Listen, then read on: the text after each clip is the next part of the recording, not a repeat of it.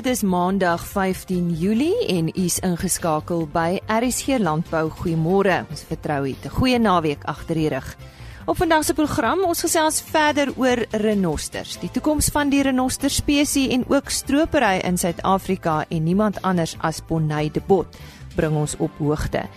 En dan praat Henny Maas met Robbie Mentjies, hy's 'n boer daar van die Griquastad omgewing oor 'n prestasietoetsing by dorpers en 'n uh, veehanteringstoerusting spesialis praat met ons uh, oor uh, nuwe tendense in hierdie veld. Veilings is deel van landbou en vir ons nuutste nuus oor na Henny Maas. Hier is nou nuus oor 'n paar veilings wat binnekort plaasvind. Op die 16de Julie is daar die Altsu Beefmasters veiling by Middelburg Mpumalanga, 50 stoetbulle en 50 vroulike diere word uh, aangebied deur BKB van Wyk. Die afslaer is Frik Verster. Op die 18de Julie is daar die Syferfontein Bonsmara veiling by Standerton Mpumalanga. 60 geregistreerde bulle, 80 geregistreerde vroulike diere word opgeveil deur BKB van Wyk. En ook op die 18de Julie is daar die 10de Sharfontein Doenie Merino produksie veiling en dit vind plaas by Humania Vrede. 535 Doenie Merino skape word opgevul deur Jan Mostert van BKB Louet.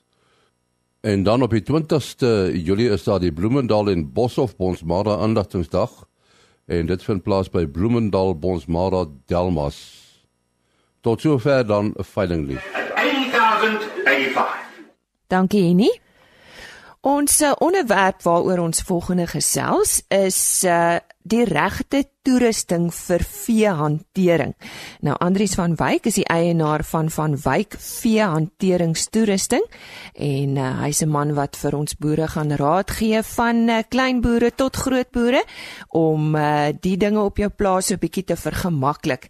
Baie dankie dat jy deel is van uh, RC Landbou vanoggend. Vertel eers vir ons kortliks Hoe het jy nou in hierdie bedryf betrokke geraak? Jong Liesel, omdat ek reeds van kindsbeen af saam met my pa geboor het en ons verskeie veetroppe op verskillende plase gehad het, het ek die behoefte gesien vir die gebruik van verskuifbare toerusting. Die veehanteringsgeriewe kan nou na die verskeie veetroppe geneem word wat spanning en beserings op die vee verlaag en die hantering van die diere baie vergemaklik en sodoende ook baie tyd gespaar kan word. Nou as ons praat van veehanteringstoerusting, waarna verwys ons? Uh veehanteringstoerusting is toerusting om vee doeltreffend te kan doseer, onthoring, KI weeg en sorteer om net 'n paar funksies te noem. Dis seker 'n bedryf wat uh, deurgangs ontwikkel. Watter nuwe tendense is op die mark? Uh ja, nuwe tendense wat baie populêr is, is die sirkelvormige drukgange wat die vloei van die vee uh, baie bespoedig omdat die vee nie die eindpunt van die drukgang kan sien nie. En dan ook die sirkulêre indrukkraal agter die drukgang wat die proses om die vee in die drukgang in te kry baie vergemaklik. Deel met ons luisteraars 'n paar wenke vir 'n drukgang waarvan jy nou gepraat het. Uh 'n drukgang moet eerstens uh funksioneel en prakties aangewend kan word. En dan 'n drukgang moet behoorlik in die grond geanker wees. Uh die drukgangwyte is ook baie belangrik. Vir beeste ongeveer 700 mm en vir skape ongeveer 500 mm. Drukgang met kampanele hê wat vinnig en maklik kan oopmaak indien 'n die dier in die drukgang sou gaan lê. Daar moet genoeg uh afskorthekke in die drukgang wees sodat die diere gemaklik kan staan en nie op mekaar klim nie. Die ideale drukgang lengte vir 100 beeste is so tussen 9 en 12 meter om ongeveer 7 tot 9 volwasse beeste gemaklik in die drukgang in te pas. En dan die drukganghoogte is 1.5 meter sodat gemaklik bo oor die drukgang gewerk kan word. Vir 'n kraal van uh om 100 beeste gemaklik te hanteer word ongeveer 30 by 3 meter kraalpanele benodig. Uh, daar moet geen versperrings langs die drukgang wees wat werkers kan laat struikel of kan laat bes, beseer nie. Watter rol speel mekanisasie hierso? Uh mekanisasie is baie belangrik. Byvoorbeeld as 'n bees sukkel om te kalf of byvoorbeeld rooi water het, kan vinnige behandeling toegepas word deur die verskuifbare veehanteringstoerusting na die dier toe te neem. Kom ons sluit af met hulp en raad aan 'n kleiner of jonger boer wat nou iewers moet begin. Wat stel jy voor? Goed, uh 'n jonger boer of 'n nuwe boer kan begin met 'n goeie neklamp en 'n kort drukgang van 3 meter. Hiermee saam kan die boer met 5 kraalpanele van ongeveer van 3 meter elk vir 'n gemaklike werksarea inrig om 'n paar beeste te hanteer. Jy ehm um, uh, het nou heelwat vir ons boere vertel en met hulle gedeel en ek is seker daar's van hulle wat graag so 'n bietjie meer uh, wil uitvind of graag met jou gesels. Uh waar is presies is julle geleë um Andries voor ons by jou kontak besonderhede kom? Jong, ons is van uh Middelburg uh op Mpumalanga geleë. En ons werk redelik uh landwyd hmm. omdat die uh hanteringsgeriewe verskuifbaar is. Uh, ons kontakbesonderhede is my selfoonnommer is 07222 54700 En my e-posadres is andriesvanwyk@atlantic.net. En my uh webtuiste is www.andriesvanwyk.co.za. Goed, herhaal net vir ons uh jou webtuiste want al jou kontakbesonderhede is seker daarop, is ek reg? Dis reg. Ons webtuiste is www.andriesvanwyk.co.za. En ons het met Andries van Wyk gesels oor uh, veehanteringstoerusting en nie nie graag met hom wil gesels. Uh besoek gerus sy webtuiste dit is www.andriesvanwyk.co.za. En vir ons volgende bydrae gaan kuier ons daar in die Griekwa stad omgewing. Ons gaan nou na die Karoo en ons praat met Robbie Mentjies daar in die Griekwa stad omgewing en ons praat met hom oor dorperskape en prestasie toetsing. Hoe lank boer jy al met dorperskape, Robbie? Nee, so lank as ek boer van in die 59 af. En hoekom het jy op die skaap besluit? Wel, nee, dit is seker net maar sameloop van omstandighede. My pa het met dorpers begin en hy daarmee geboer en toe het ek maar voortgegaan daarmee. En uh, dit is maar jy het my nou 'n liefde vir die dier en vir die ras ontwikkel so deur die jare. Nou jy praat van so deur die jare, jy jy het al van lankal af begin uh aantekeninge maak van uh, jy van jou skaapboerdery. Ja. Nee, wat ek het uh ek het nou uh van 1959 toe begin boer het, ons 'n uh, stoetery begin hier en toe ons rekords begin hou uh op dieselfde basis as wat dit deesdae gehoor vir prestasietoetsing. So dit is uh, ek is maar van die begin af doen ek dit. En en wat het hierdie rekord wat jy gehou het, hierdie hierdie prestasietoetsing, wat het, het dit vir jou geleer? Ja, dit het maar net uh, uh geleer dat 'n mens uh die oog uh bedrieg 'n mens baie keer. Jy dink dit is 'n mooi dier, maar dit is nie 'n dier wat presteer nie of wat uh wat uh, voortplant nie. Sy uh, of die ooi byvoorbeeld die uh, lam nie gereeld nie, maar sy lyk baie mooi. En uh, as jy nie 'n rekord het nie, dan kan jy dit nie bepaal nie want uh, jy boer mos nou nie met uh, een of twee diere nie, jy boer. Ja, maar nou dink jy daar's te veel boere wat dalk net met die oog koop. Ja, ek dink dat dit dat dit al baie verander deur die jare. In die laaste tyd dink ek uh, begin die boere dan baie meer kyk na die prestasie van die diere. Daar is nog mense wat maar net op die oog koop. En uh, on, uh gelukkig vir hulle is dit nie te sê dat dit is 'n swak dier wat hy koop nie, maar hy het geen bewys dat dit 'n goeie dier is as jy nie prestasie toets uh rekords het van die dier nie. Ja, die wêreld waar jy boer is 'n harde wêreld, né? Nee. Ja, nee, ek sê vir veral op die huidige stadium ons het maar nie 'n derde van ons uh, gemiddelde reënval gehad die seisoen nie. Ja, hoe doen die skaap op die oomblik? Nee, op die oomblik gaan hulle nog aan. Ons kan nie regtig kla nie, want ons het eintlik 'n goeie seisoen wat die temperatuur betref gehad. Dit het nog altyd uh, nie koud geword nie.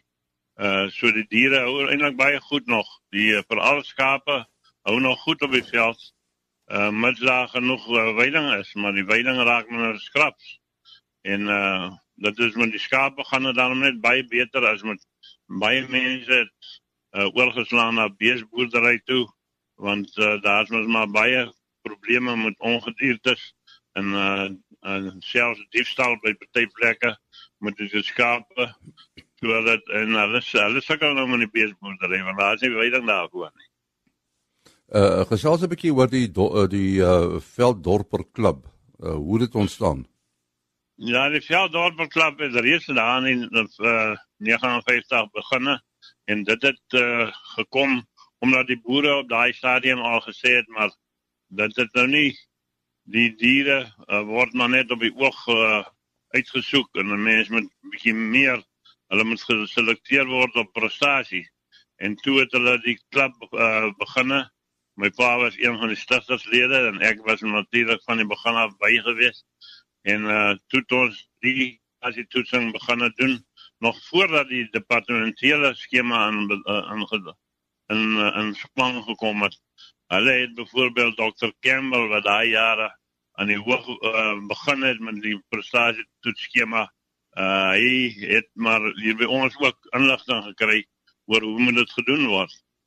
Want hy het van die gegevens hier van uh van my pa gekry en hulle het uh, dit is waar op die uh, of ek sou sê waar op dit gebou is en waar baie dinge seker die die praktiese uh raad wat ons kon gee was vir ook van belang geweest. En so ons het daai tyd begin daarmee en die gedagte het ons maar uh gegroei tussen die boere dat jy met daarom die diere met op prestasie gekeer word en nie op voorkoms nie.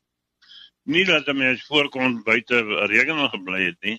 Jy het nog altyd aan die rasstandaarde uh, probeer voldoen maar mense het so deur die jare gesien dat die rasstandaarde uh maak nie altyd uh heeltemal die diere wat goed presteer is nie altyd die mooi diere nie. Jy kry diere wat uh op die oog af of soos ons nog geleer het wat mooi is met die rasstandaarde.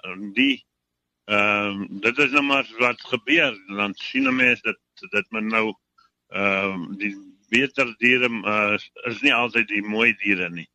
En toe het die gedagte het nou maar gekom toe hulle ons hier op Griekwestad begin met 'n uh, velddorper of 'n uh, veldram projek waar ons die ramme in 'n sentrale punt bymekaar gekry het en uh die diere dan getoets het oor 'n uh, amper oor 'n jaar tydperk en dan op 'n veiling gesit het met die gevolge gegevens van van die diere. En in die laaste paar jare het ons ook uh die mense wat inskryf hier moes volledig rekord hou van hulle stoetery anders kan hulle nie by ons deelneem nie. En uh dit het gemaak dat die die kopers baie tevrede is met die diere wat hulle by die veldram projek koop. En sover dat ons nou al op hierdie huidige stadium nie net die veiling op Krikostati as al 'n veiling op Kenard word gehou en daar word uh van uh verlede jaar af 'n veiling daar meer na die Weskaap toe, eers op Brandvlei. Hierdie jaar van dit plaas op uh, uh Louisfontein. So dit is die mense, die kopers kom terug. Ons is met die Velderan projek al vir 34 jaar besig. En ek moet jou sê die boere uh, die selle boere kom jaar na jaar terug en kom koop ramme hier by die veiling. En 'n man gaan tog net sy kop stamp uh uh gedurig nie as hy nie resultate kry nie. So dit is seker een van die grootste uh pleintjies in die projek se se se se hoed laat hulle met uh die mense tevrede is met die diere wat hier gekoop word. Ja, dit was dan 'n gesprek met uh, Robbie Mentjies daar in Griekwa stadse omgewing oor sy uh, dorper boerdery uh die waarde van prestasiemeting. Sedert 2010 is daar reeds 7770 renosters in Suid-Afrika afgemaai. Nou ons verloor vandag steeds 2 tot 3 renosters per dag aan die hand van stroopers. Maar wat hou die toekoms in vir hierdie spesies? Ek gesels nou met Bonnie de Bot hieroor. Bonnie, ja, lekker om jou weer op die program te hê. Ons het eintlik lanklaas gesels, is ek reg? Ons het lanklaas gesels. Dit is heerlik. So baie dankie om weer net uh, die luisteraars natuurlik op hoogte te bring wat uh, aangaan in die wêreld van renosterstropery. Nou goed, ja. Nou 'n nuwe omgewingsminister is aangestel. Wat is jou gevoel? Dink jy minister Krisie sal hierdie departement in die regte rigting stuur, Bonnie? Hmm. Wel, uh, Lisa, as ons gaan kyk na minister Krisie se vertoninge aan vorige rolle. Kyk, sy's bevorder van haar posisie as Gauteng se lid van die uitvoerende raad vir finansies waar inkomste onder haar wakende oog verdubbel het. Uh, sy is inderwaarheid so hoog aangeslaan dat daar was baie spekulasie dat sy dalk die adjunkt minister van finansies onder Tito Mboweni gaan word. Nou aan die ander kant as jy gaan kyk na die departement van omgewingsake, nou natuurlik gekombineer met uh, bosbou en visserye, is die laaste paar jaar deur moeilike tye.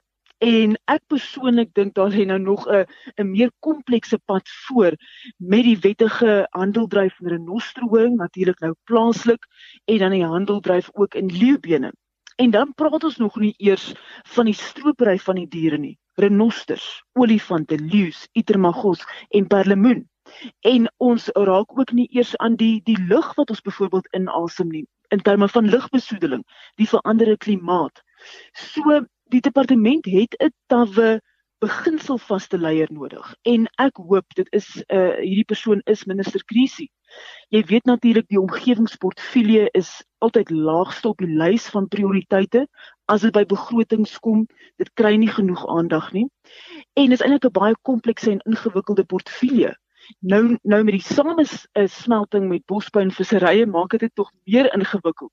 So ja, dit is 'n groot sprong van lid van uitvoerende raad na kabinetsminister toe, maar dit is goed om te weet en ek voel positief dat daar nou iemand is wat in haar vorige posisies geskitter het wat nou aan die stuur van sake is. Nou is goeie nuus. Nou dit is sover 'n besige jaar wat uh, wetstoepassing betref met die beslaglegging op 'n hele aantal renosterhorings. Hoe lyk die syfers en wat beteken dit, Bonnie? Absoluut. Daar was beduidende beslagleggings op renosterhorings in die eerste 6 maande van die jaar.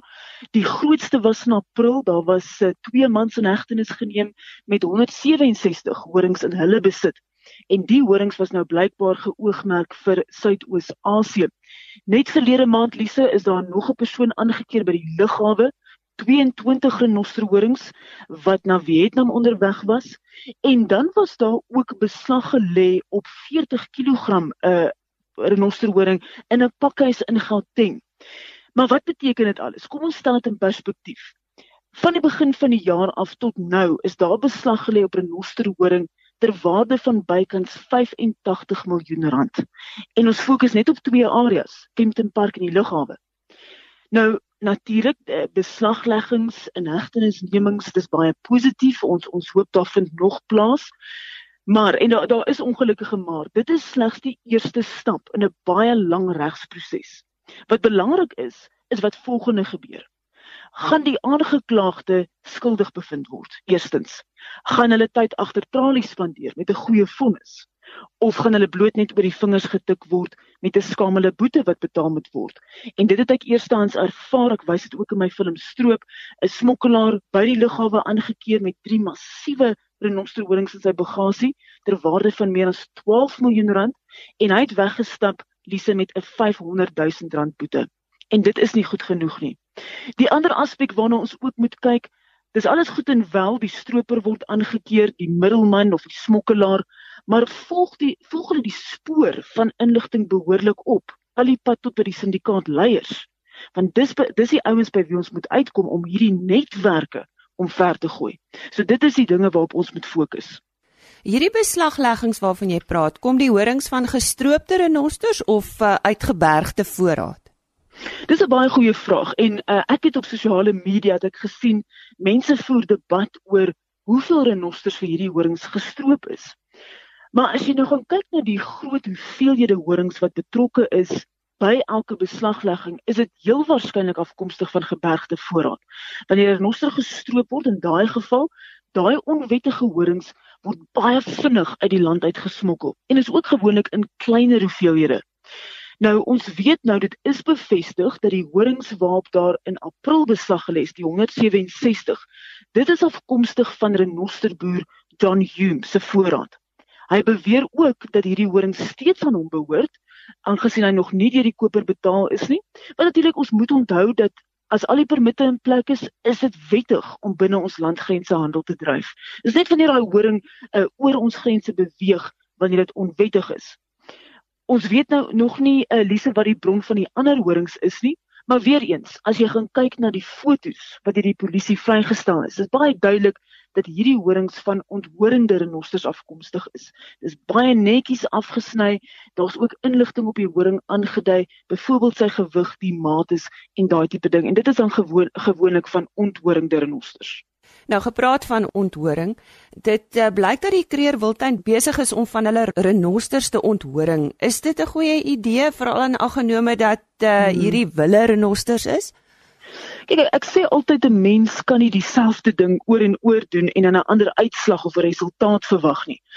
Ek persoonlik, Elise, is beïndruk dat hulle hierdie moeilike en duursame stap geneem het om selektiewe onthoringing te doen op renosterkoeie. So dis nie al die renosters nie, dis net sekere renosterkoeie. Koeie speel natuurlik uh, of hulle is van kardinale belang vir die algehele bevolking. En dan uh, is dit ook verder bewys dat die verlies van 'n koe 'n ripple effek het.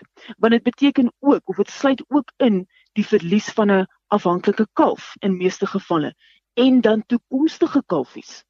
En uh, hierdie is 'n feit waaroor die welbekende uh, rehabiliteerder Nostra rehabiliteerder Karen Trendler al ge, uh, oor gepraat het, Dr. Johan Maree van Saving the Survivors, hulle noem dit collateral damage uh ons wys dit ook in stroop.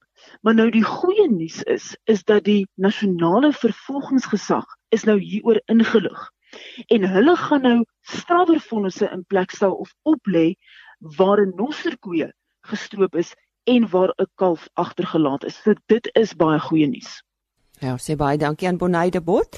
Sy het weer met ons gesels oor uh, ja, oor ons renosters en uh, die beskerming van ons renosters en uh, ons sal binnekort weer met haar praat want uh, op 22 September sê jy is ek reg Bonai is dit uh, is dit wêreld renosterdag of watter dag is dit?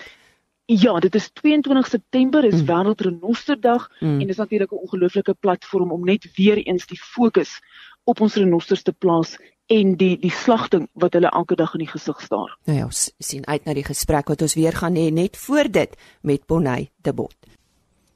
Frans uh, Stapelberg is die voorsitter van die Wagyu Teelersvereniging en ons praat 'n bietjie met hom oor uh, oor die Wagyu bees. Uh Frans die uh, Wagyu bees is veral bekend vir sy besondere vleis wat hy uh wat hy het en uh die lekker eetervaring. Maar uh, As jy mens nou kyk na wat wagyu vleis kos en wat jy kry, is daar 'n korrelasie. Verseker is dit so en en die vleis is duur. Die wat die vleis besonder maak, weet ons almal, dis in die smaak en die sagtheid, maar dit lê in die produksiekoste van die dier. Uiteraard goeie genetika is is duur om in te voer. Ons het goeie genetika nou in die land almal beskikbaar. Dan gaan dit oor die kruisdeling en en en daai kruisdeel kalf, dit is die F1 Dis waar die vleisproduksie gaan op hierdie stadium. Uh na geboorte van die kalf word hy gehanteer soos 'n normale bees tot en met die ouderdom van 2 jaar en dan eers gaan die bees in 'n voerkraal in en die bees word dan gevoer vir 12 maande en na 12 maande word hy geslag en hopelik het jy dan 'n goeie marmeringstelling. En die koste om om om daai dier te voer soos wat almal weet is duur. Uh die kliënt wil ook dan weet wat hy koop op daai stadium. En dit is hoekom die genootskap ten 'n 'n kamera aangekoop het. Ons noem dit die Japaneese kamera. Dis 'n stuk toerusting waar die marmering onafhanklik bepaal word. So daar's nie 'n gradeerder betrokke nie. Dis 'n onafhanklike stuk toerusting. Die toerusting se waarde was amper 'n miljoen rand gewees. So die karkas word gegradeer eh, met die hoeveelheid vet binne spiers asook die fynheid en die kleur van die vet speel alles 'n rol. So die verbruiker is verseker van 'n van 'n goeie kwaliteit vleis en en wat onafhanklik bepaal is. Uh Frans, hoe lyk die handelsplatform vir uh, vir hierdie vleis? Dit was vir ons 'n tekortkoming gewees om te verseker dat dat mense handelsplatforms het waardeur hierdie vleis verkoop kan word en die genootskap Wagyu Suid-Afrika het uh tenders ingewag en daar was twee suksesvolle tenders gewees. Die een is Wagyu X. Wagyu X is vir 4 maande lank al aan die gang wat hulle genetika verkoop en diere verkoop. Die ander platform is Swagyu. Swagyu het ook nou hulle eerste aanlyn veiling aangebied en binnekort, ek dink as ek reg is binne 2 weke verkoop hulle die eerste 2 of 3 kaartkaste ook op 'n op 'n aanlyn platform. So jy gebruik die nuwe tegnologie. Definitief. Ek ek dink dis 'n bees wat dit regverdig, die die prys van die bees regverdig dit en ons ons uh embrace wat die Engelse sê nuwe tegnologie. Ons sê baie dankie aan Frans Stapelberg, die voorsitter van die Wagyu Teelers Vereniging. Onthou môre oggend weer saam met ons te kuier vir nog 'n aflewering van RSG Landbou. Ons gesels dan onder andere met Dr Pieter Henning van Meadow Feeds oor big data. Ja, 'n woord wat al hoe meer in landbou gebruik word en hy het pas teruggekeer vanaf die FSA. So, môreoggend net so skuins na 05:30 is ek weer terug met nog 'n aflewering van RC Landbou. Tot môre dan. Totsiens. RC Landbou is 'n produksie van Plaas Media. Produksieregisseur Henny Maas. Aanbieding Lisa Roberts en inhoudskoördineerder Jolandi Root.